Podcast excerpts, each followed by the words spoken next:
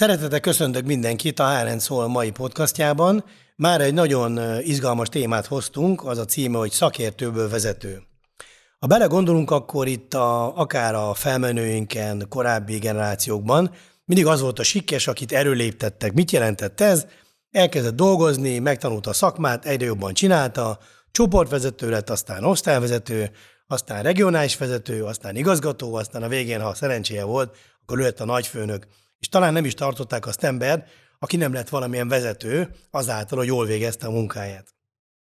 Kíváncsi lennék, hogy így van-e az az életben, és egyébként fontos az, hogy, hogy mindenkiből vezető legyen, aki jó szakértő, vagy fordítva, minden vezetőnek kellett tudnia pontosan a szakmát. Ez a téma az két nagyon idevágó vendéget hívtam. Tódor Évát, aki vezető szülésznő a Duna Medikánál. Sziasztok, üdvözlök mindenkit! És Hazuga Károlyt, aki MOL Downstream ügyvezető igazgatója. Sziasztok, én is szeretettel köszöntök mindenkit. Mind a ketten otthon vagytok ebben a témában. Ti is, ha jól, ha úgy tetszik, akkor ebben a klasszikus modellben lettetek, végigjártatok a ranglétrát szakértőből vezető. Éva például, ha jól tudom, addig számoltad, több mint 3000 szülésen van túl, a szakértelem az nem kérdés. Károly pedig, ahogy belépett gyakornokként rá 12 évre molnak az évvezetője lett, tehát el, eljutott egy olyan szintig, ami az egy eléggé csúcs. Először is kérdezném, hogy akkor röviden mutassátok be, hogy hogyan ment ez az út. Tehát valóban a klasszikus út volt, vagy hogy lett hirtelen, vagy akár folyamatosan, vagy tudatosan az, hogy szakértőből vezetők lettetek. Éva? Hát nekem nagyon hirtelen lett. Átkerültem az állami intézményből saját döntés alapján nagy magán szférába, ahol sima beosztott szülésznőként dolgoztam, és többszöri próbálkozásra a vezetőség megkért, hogy vállaljam el ezt a pozíciót, de én nagyon sokáig megálltam, aztán jött egy változás az osztálynak a működésébe, és ott akkor valahogy úgy éreztem, hogy segítenem kell, és akkor így belecsaptam ebbe a dologba, és beleadtak a mély vízbe, tehát nagyon hirtelen jött ez a folyamat.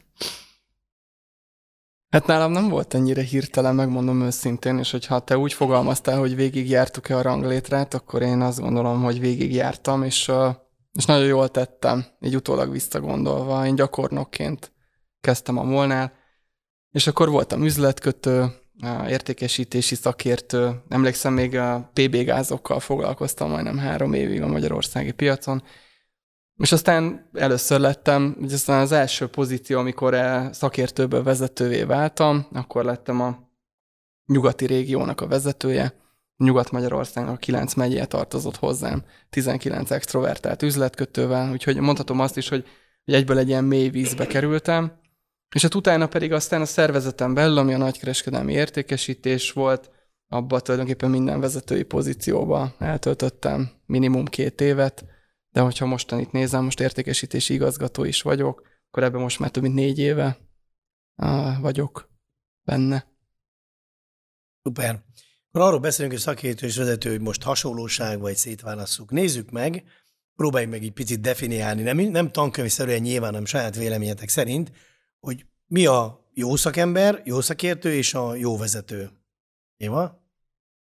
Hát az én szakmámban szerintem egy jó szakemberből lehet jó vezető, de nyilván a vezetői részt azért meg nagyon sok mindennel ki kell egészíteni, mind emberileg, mind mentálisan, mind fizikálisan, mind pedig továbbfejlesztett szakmai tudással, amit át kell adni szerintem nem csak a fiataloknak, hanem az alattan lévő Szóval akik alattam dolgoznak, nem mondom, hogy beosztottak, mert én azt gondolom, hogy én megpróbálok velük egyenrangúan viselkedni. Egyenrangú szerepünk van, de nyilván, nyilván kell őket koordinálni, és nyilván kell, kell tapasztalatot átadni, és újabb ismereteket, és újabb ö, ö, lehetőségeket a szakmán belül. Szerintem ez egy nagyon érdekes kérdés, mert ez a tyúk vagy a tojás esete. Én azért azt hiszem, hogy a jó szakértők nélkül nincs olyan intézmény, vállalat, szervezet, aki jól és sikeresen működne. Tehát az, hogy valaki a szakmáját teljes körén ismeri, ebbe ki tud teljesedni, és ebben nap mint nap sikereket tud elérni, ez szerintem alapvető fontosságú. De az, hogy miben más a vezetés, nem nagyon sok mindenben más, de én alapvetően abban hiszek, hogy ezt az utat azért mindenkinek végig kell járnia. De meg kell találnunk azt, hogy mibe vagyunk jó szakértők, mert utána ebből tudunk táplálkozni. És én egyetértek azzal, hogy Ugye a vezetői szerep az egy más szerep, tehát én nem mondanám, hogy van-e hasonlóság a szakértői meg a vezetői szerep között. A vezetői szerep az egy más szerep, ugye a vezetőnek azon túl, amit az előbb elmondott az Éva, az is feladata, hogy hogyan támogatja és hogyan fejlesz azokat a szakértőket tovább. Pont abból kifolyólag, hogy maga a szervezet minél előrébb jusson, és mind a mellett koordinálja a munkát, meg hát minden olyan vezetői feladatot is ellát, ami mondjuk akár adminisztrációs tevékenységhez kapcsolódik, de akár mondhatnánk azt is, hogy irányt mutat azon túl, hogy fejleszt, hiszen a, a vezető az, aki meghatározza azokat a stratégiai irányokat, amiket utána a kollégák nyilván a, lefordítva az ő nyelvükre és az ő szakmájukra, de megvalósítanak. És szerintem ez egy nagyon fontos és erős szimbiózis valahol a vezető és a szakértő között, és nagyon tetszett, amit az előbb mondtál, mert hogy igen, a vezetőnek az a feladata, hogy fölemelje az embereket az ő szintjére, és én nekem abszolút ez a hitvallásom. Tehát, hogy én azt szoktam mondani a mai napig, hogy én sokszor vagyok üzletkötő, sokszor vagyok adminisztrátor, munkatárs, mert hogy amikor elmegyek tárgyalni egy partnerrel, akkor én ugyanolyan üzletkötő vagyok, mint voltam most már 14 évvel ezelőtt, és semmiben nem vagyok más, mint a mostani értékesítési szakértői kollégáim. Úgyhogy szerintem kiegészíti egymást a kettő. Azért nem hagylak benneteket, boncolgassuk egy kicsit tovább, mert ez nekem nagyon érdekes sztori, és leginkább akkor a saját példánkon keresztül, hogy mik lehetnek azok a vezető kompetenciák, képességek, készségek, amelyek mások, mint, mint egy szakértőnél. Tehát amikor te is a vezető lettél, akkor mikkel szembesültél? Mik voltak azok az új kihívások, amiket meg kellett oldanod ahhoz, hogy végül is azért jó vezető legyél? Mik, mik voltak az additív dolgok azon kívül, hogy a szakmárat mondjuk vita nélkül jól csináltad, vagy csinálod? Az empátia, ami alapból benne van a szakmámban, de valahogy mégis másképp jött ki az alattam lévőkkel. Tehát, hogy, hogy mégis empatikusabb legyek, meghallgassam, tanuljak tőlük. Ha rossz, akkor is abból is levonni a megfelelő következtetést, és építkezni abból. Ez mindenféleképpen. És egyetértek egyébként én is Karcsival abból, abból kifolyólag, hogy, hogy amit, amit mondott, de nyilván nagyon más egy, egy kórházi osztályt vezetni, hiszen ott napi szinten változik óráról órára, percről percre a munka, és abba belenyúlni, abba ötleteket adni, vagy hogy hogy csináld és irányítani, nagyon-nagyon nehéz, hogy ne sértsd meg őket. És ne sérüljön senki, se a paciens, se pedig a szakdolgozó. És milyen olyan feladatokkal szembesültél, amelyek, amelyek mások vagy többek voltak, mint... mint, mint adminisztráció. Rettenetesen sok adminisztráció, és rettenetesen sok olyan plusz, én idézőjelbe tenném sallang, ami, ami nem gondolom, hogy egy szülésznői tevékenységnek a része, de nyilván egy vezető beosztásban pedig ott előjött. Tehát ugye nekem nagy felelősségem van ebből, hiszen az osztálynak a működését mind anyag, mind pedig gyógyszerigényben gyakorlatilag én tartom teljes mértékben kézben. És ugye nyilván ugye itt egy havi beosztásban gondolkodunk, ahol nappal, illetve éjszakára is egyaránt beosztott szülésznőkkel kell dolgozni, tehát ennek is a felelőssége, hogy megfelelő ember megfelelő helyen legyen. Nálatok, nálad Károly? Hát szerintem ez egy nagyon érdekes kérdés, és ha, mivel én az üzletből jövök, ezért mindig el szoktam azt is mondani, hogy ami szerintem nagyon fontos, az a döntés, a döntéshozatali képesség, ami általában a vezetőknek a, a privilégiuma, és ez egyébként egy hiba, mert nagyon sokszor bele tudunk esni abba a hibába, hogy mindent a vezetőnek kell eldöntenie, pedig nagyon régóta tudjuk, hogy a felhatalmazás az egyébként egy nagyon erős motivációs eszköz, de, de mindenképpen az, hogy egy szinten feljebb kerülsz a döntési hadd hívjam ranglétrának, az mindenképpen egy új helyzet. Igen, amit megtanultam ilyen szempontból ebből, az az, hogy, és amit követtem is, hogy, hogy rajtam nem állhat döntés. Tehát próbáltam mindig előre venni, pont azért, mert hogyha nálam áll egy döntés, akkor a kollégák hatékonyságát csökkentem, hiszen akkor rám várnak. Ugye ezt a mai napig egyébként uh, ugyanígy próbálom menedzselni, hogy próbáljunk meg a döntéshozatali időn minél inkább rövidíteni. Szóval az, hogy, hogy dönteni kell, és ez a döntés nek a súlya az egyre nagyobb, ahogy az ember egyre följebb kerül. Ugye beszéltünk az előbb a, a fejlesztésről, ez is egy olyan dolog, ami szerintem nem csak a, vezetők privilégiuma, hogy fejleszték a kollégáikat, mert egyébként a kollégák is nagyon jól tudják egymást fejleszteni, hogyha a vezető a keretrendszerét megteremti ennek. De ez is egy új elem. Sokkal fókuszáltabban kell azzal foglalkozni, hogy a kollégákat hogyan fejlesszük. Aztán, ami viszont vezetői privilégium, például egy munkakörnyezet, hogy milyen munkakörnyezetben dolgoznak a kollégák, hiszen, hogyha motivációról beszélünk, akkor Persze a bér az egy nagyon fontos motivációs elem, vagy eszköz, de hogy a béren kívül egy csomó minden más van, amire egyébként meg van a vezetőnek hatása. Úgyhogy szerintem ez is egy ilyen dolog. És hogyha az előbb említettem a keretrendszert, akkor a keretrendszer érvényes arra is, hogy a, a vezető szabja meg a kereteket.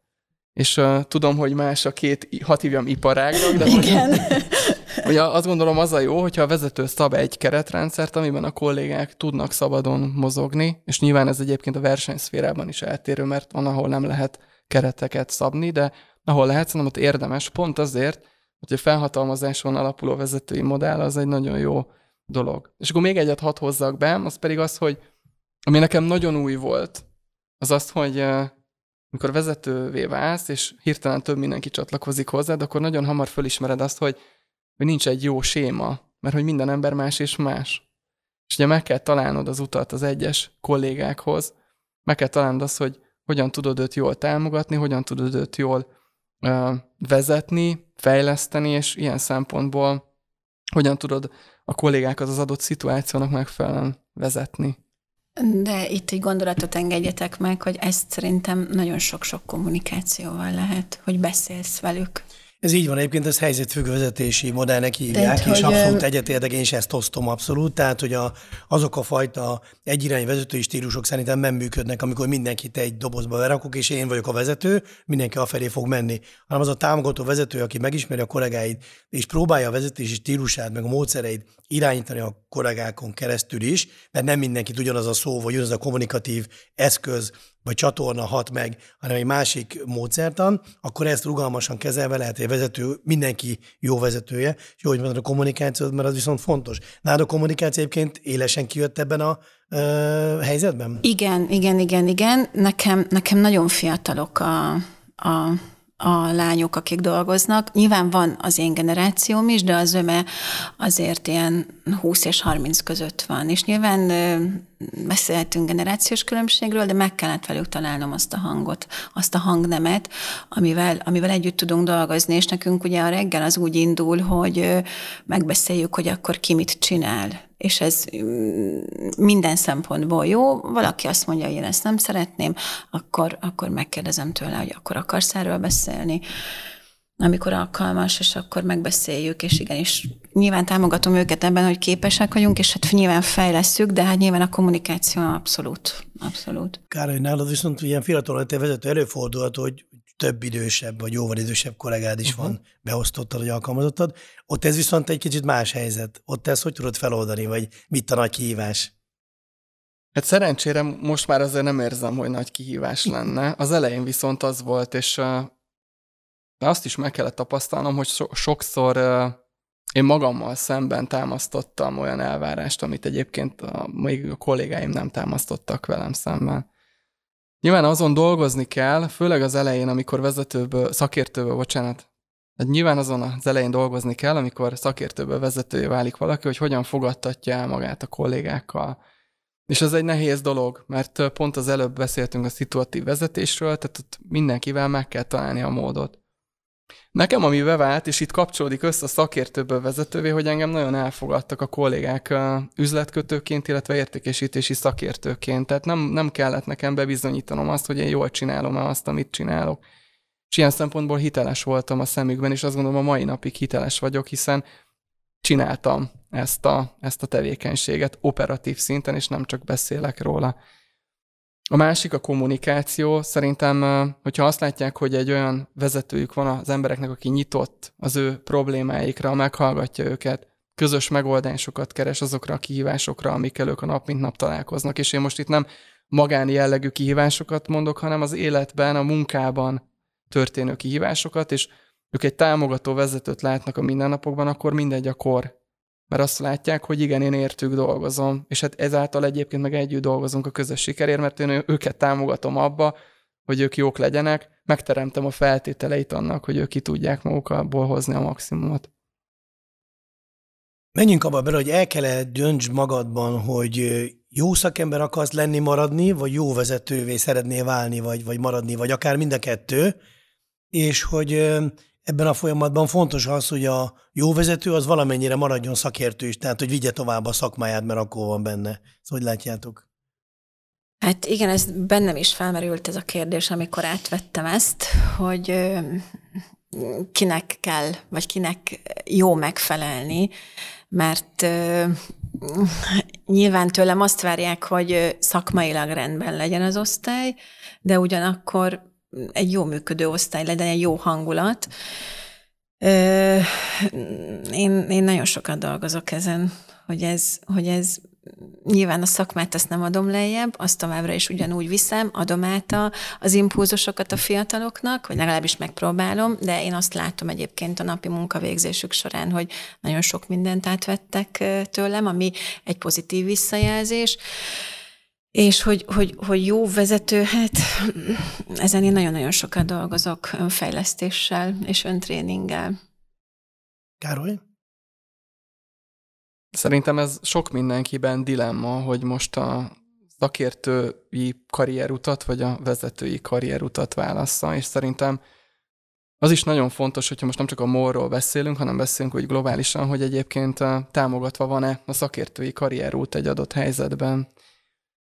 Mert hogyha igen, akkor szerintem egy fokkal könnyebb a döntés.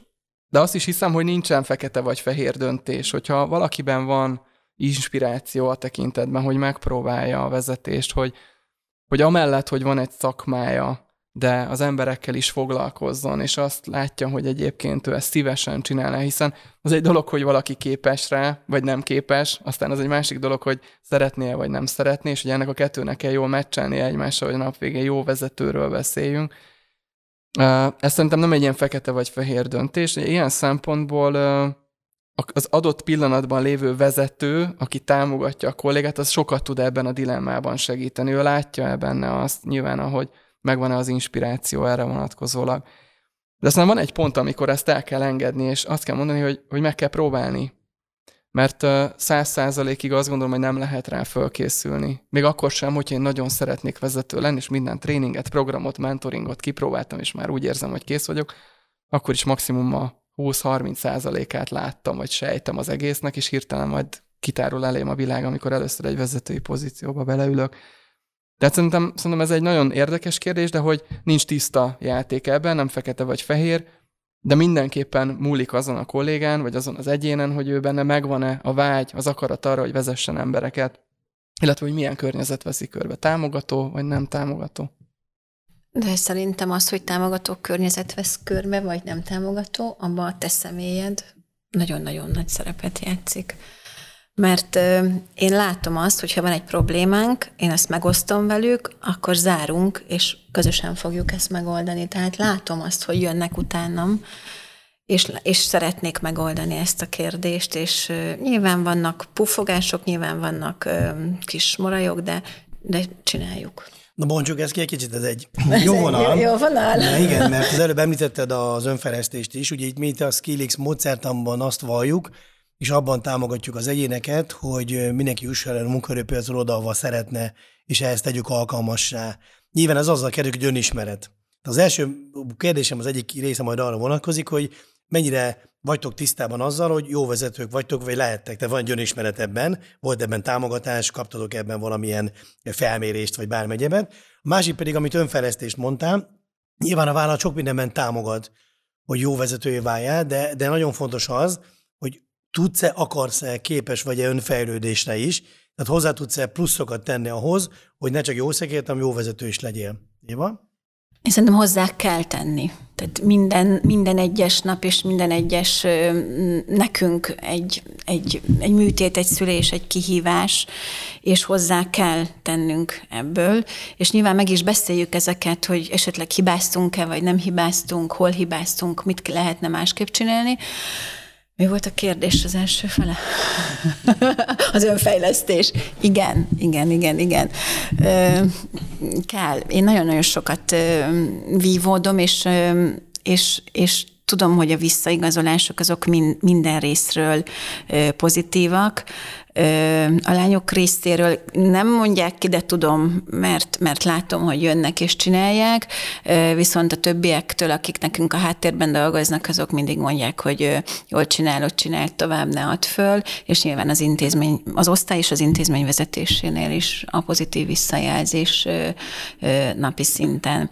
Hát az önismeret és az önfejlesztés, az pedig, az pedig nyilván az egész élet egy pszichológia, szerintem, és, és ebben rejlik, hogy saját magad tudd elfogadni, és hogyha elértél, is magamból kiindulva elértem egy szintet, akkor azt hogyan tudom tovább vinni, megtartva azt, hogy empatikus maradjak, hogy megfelelő legyen mindenkivel a kommunikációm, és, és stb. stb.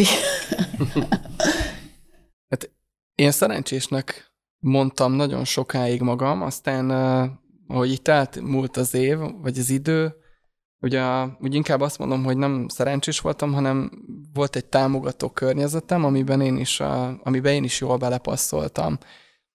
Mert hogy mi a molban azt gondolom, hogy nagyon tudatosan próbáljuk fejleszteni azokat a kollégákat, akikben azt gondoljuk, hogy ott van az az inspiráció, és ott van az a potenciál, hogy ők hosszú távon egy vezetői karrierutat járjanak be, és ami egy jó dolog, hogy ilyen szempontból amikor én bekerültem a vezetői körbe, hat így a molban, ahhoz képest is nagyon sokat tettünk azért, hogy, hogy ez tényleg jóval tudatosabb legyen.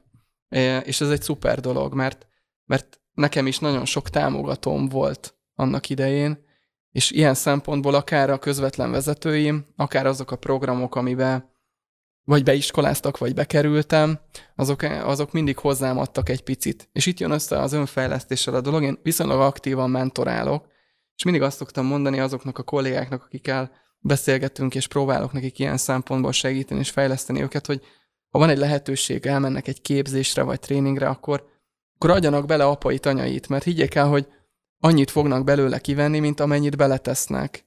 És persze tök jó elmenni egy képzésre két napra csak azért, hogy ott legyek külső helyszínen, és tök jó minden, de hogy, hogy abból nem lesz tanulás, és valahol ez az önfejlesztésnek is egy eleme, hogy kihasználom azokat a lehetőségeket, amik a rendelkezésemre állnak, és beleteszem az energiát, pont azért, mert később ez meg fog térülni. Muszájról is beszélni, hogyha ezt a klasszikus modellt vennénk alapul, és ez lenne az etalon, hogy minden egy jó szakértő vezetőt képzünk, és ez nem egy ilyen tudatos, megtervezett folyamat, akkor azért fennállhat annak a veszélye, hogy hogy elvesztünk egy szakértőt, de nem nyertünk egy vezetőt sem, mert ráadásul egy rossz vezetőt jelöltünk, vagy képeztünk. Ennek azért hogy látjátok, fennáll a kockázata, vagy hogy lehet ezt azért elkerülni? Nyilván fennáll a kockázata, hogy elvesztesz egy jó szakembert, szakértőt.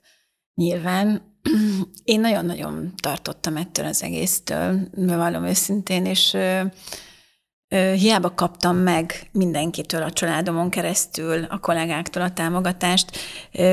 Nyilván nehezen indult ez az egész.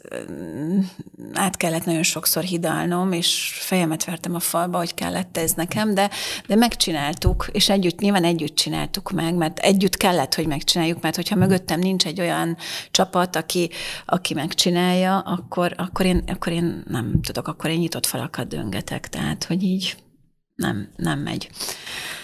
Hát, hogy...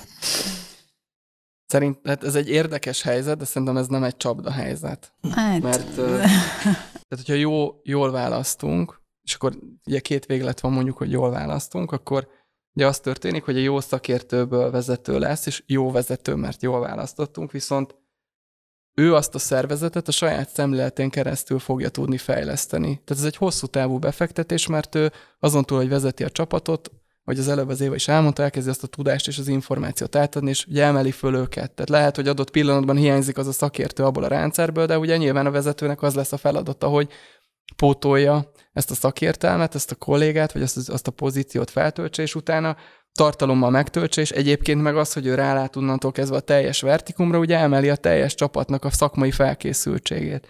Tehát egy ideális helyzetben szerintem ez így működik. Ugye arra kell nagyon figyelni, és ugye ez már a vezető vezetőjének a feladata, hogyha adott esetben ez nem működik, akkor ne az legyen a konklúzió, hogy na ez egy rossz vezető, és akkor nem tudom, elbocsájtom, hanem ugye az legyen a konklúzió, hogy megpróbáltuk, hogy ez a kiváló szakértőnk vezető legyen, ugye bebizonyosodik, hogy valamiért rosszul döntöttünk, nem működik, akkor közösen találjuk meg a helyét, a legjobb, a legjobb helyét a szervezetben vagy a vállalatban, mert hogy azt kell látni, hogy az nem, fel, nem az ember, nem, nem feltétlenül az ember kudarca, hanem az egy közös, hívjuk kudarcnak, nem vált be vezetőnek, és hol tudom őt egyébként hosszú távon hasznosítani, hiszen kiváló szakértő volt. Hát azért lettem, nem csak azért, de egyik oka az volt, hogy, hogy ő vezető lett. És szerintem ez nagyon fontos. És az, hogy ez mennyire van meg egyébként a mai vállalati kultúrákban, ez egy jó kérdés.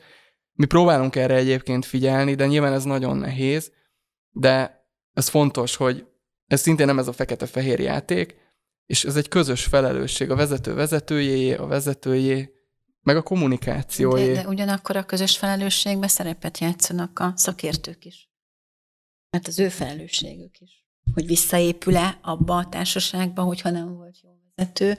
Nekünk volt egyébként egy ilyen helyzet az előttem lévő, és tökéletes szakértő. Szerintem egy nagyon-nagyon jó szakember, és nem sínlette meg, hanem vissza tudott épülni. És a mai napig ott dolgozik, és mondom, százszázalékos szakmailag. Tehát, ez egy pozitív is, példa. Ez egy nagyon pozitív példa, igen, igen. Ez egy pozitív példa. Egy záró kérdése maradt időnk, ami egy kicsit össze is foglalja talán néhány mondatban a, a, ezt a témát. Szerintetek akkor kimondható-e, hogy minden jó szakértőből jó vezető nevelhető? Nem. Nem. Bővebben? Hát nem, mert hogy a jó szakértőből még lehet, hogy hiányzik az, az akarat, vagy adott esetben az a tudás, az az inspiráció, vagy adott esetben az aspiráció, hogy ő vezetővé váljon. És ezért nem jelenthető ki egyértelműen. De hogyha valakiben ez mind megvan, akkor egy nagyon jó induló, vagy kezdő csomag arra, hogy egyébként a nap végén jó vezetővé is váljon. De, de csak akkor tud jó vezetővé válni, hogyha ezt ő akarja. És minden egyes nap tovább akar lépni.